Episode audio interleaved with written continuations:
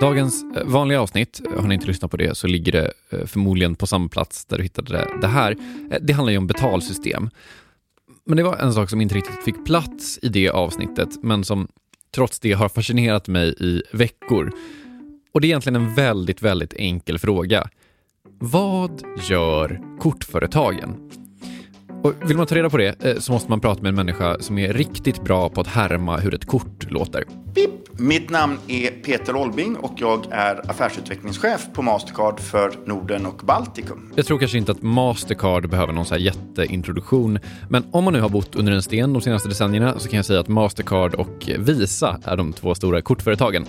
Eh, om du tar upp ditt betal eller kreditkort i plånboken just nu så är det ungefär 45 chans att det står Mastercard på det och det är 90 eh, chans att det står Visa eller Mastercard på det. Med andra ord, Mastercard ger ut massa, massa kort. Det största missförståndet är att vi ger ut kort. Okej, skoja. Mastercard ger alltså inte ut kort. Eh, så då kan vi stryka det från listan och liksom teorier kring saker Mastercard kanske gör. Eh, för korten, de ges ut av eh, bankerna och eh, själva fysiska korten i sig, de görs av massa olika företag som kanske heter Thales eller Gemalto eller sådär. Du vet, namn man kan känna igen från att man kört förbi någon byggnad i Kista och så bara, vad gör folk som jobbar där inne? Hur som helst, om Mastercard nu inte ens gör korten, vad gör de då? Ja, det är en väldigt bra fråga. Det här är lite krångligt ska vi säga. Eh, så Peter fick i uppgift att illustrera vad Mastercard egentligen gör genom att ta ett köp som jag gjorde på väg till intervjun som exempel. Eh, jag köpte batterier på 7-Eleven för 58 kronor med mitt kort. Vår affärsmodell är en fyrpartymodell. Vilket då såklart betyder att det är fyra parter som är inblandade i mitt kortköp. Dels är det jag, sen är det min bank, det är 7-Eleven och 7-Elevens bank. På ena sidan så har du en handlare, en 7-Eleven, som kopplar upp mot en bank som skickar sin eh, betalningsflöde via Mastercard och vi skapar en standard mellan den banken som har handlaren och den banken som ger ut kortet till sin kund. Är det svårt att hänga med här så är det för att det är svårt. Eh, men så här, jag lägger mitt kort på dosan och då så finns det ett speciellt Mastercard-språk. Peter Olbin kallar det för en standard. Det är liksom ett speciellt språk som bara vissa kan förstå. Rent konkret kan vi säga så är det små filer med krypterad information som skickas fram och tillbaka. Men just nu så kan vi tänka på det som ett språk. När jag lägger mitt kort på kortläsaren då skickas det en signal på Mastercards språk som säger “Jag vill köpa batterier för 58 kronor”.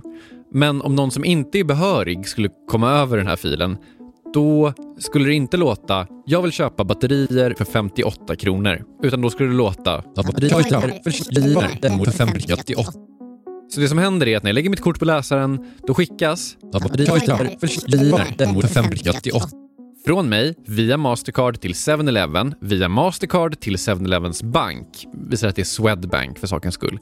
Och sen frågar den min bank, Handelsbanken, på Mastercard-språket men då finns det en liten tolk på Handelsbanken som kan Mastercardska. Så låter plötsligt “Gunnar vill köpa batterier för 58 kronor tack”. Och då svarar Handelsbanken vilket Swedbank tolkas som “Visst, Gunnar har 58 kronor på sitt konto”. Så skickar de tillbaks via oss till den banken som har 7-Eleven till 7-Elevens terminal och säger tumme upp, det här köpet är okej. Okay. Så då låter det? Beep. Och det här språket, standarden, som leder fram till bipet, det är det som Mastercard bygger hela sin affär på. Och det är det de också tjänar pengar på. De tar några ören, hur många ören vill inte Peter säga, men eh, siffror från några av bolagen som gör dosor menar att det är mellan 0,02 och 0,65 procent av summan på köpet.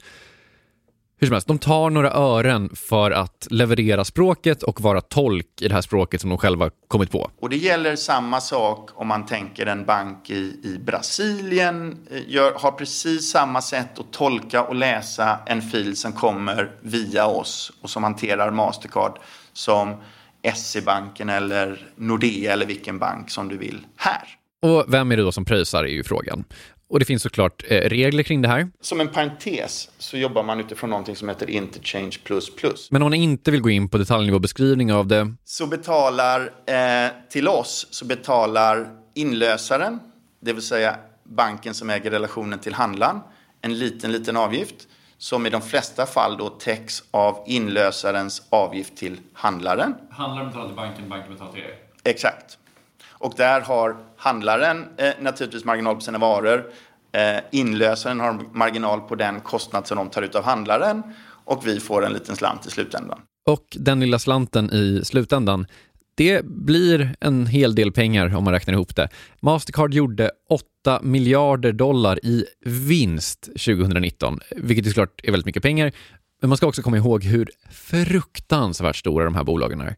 Varje år passerar det 7 800 miljarder dollar genom Mastercards system. Och tar man fram miniräknaren så får man reda på att det är 2,2 miljoner kronor i sekunden. Och då är till och med Visa lite större än Mastercard. De bedöms enligt vissa vara världens största finansbolag.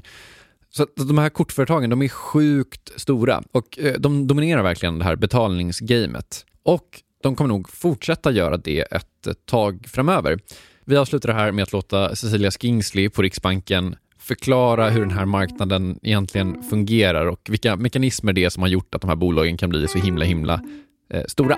Det som är en egenhet i betalningsmarknaden och det är att den har väldigt stora så kallade nätverkseffekter och det är ekonomspråk för att när man är verksam på en viss marknad ehm, då har man större nytta, eller man, man, är mer beroende av hur andra beter sig för att man ska få nytta själv. Det är ju helt enkelt så att det är väldigt opraktiskt att gå med en, eh, ett kort för varje typ av butik som du vet att du vill handla i. Och det vore väldigt opraktiskt om butikerna skulle vara tvungna att ta emot betalningar från väldigt många olika kortsystem och kanske ha liksom 20 kortterminaler på disken istället för bara en som de har i, idag. Med det så är det här bonusavsnittet slut. Jag heter Gunnar Harjus. Eh, Peter Olbing är affärsutvecklingschef på Mastercard i Norden och Baltikum. Tack för ditt enorma tålamod och för att du ritade upp på en whiteboard hur allt det här funkar. Kapitalet är tillbaka snart igen. Hej!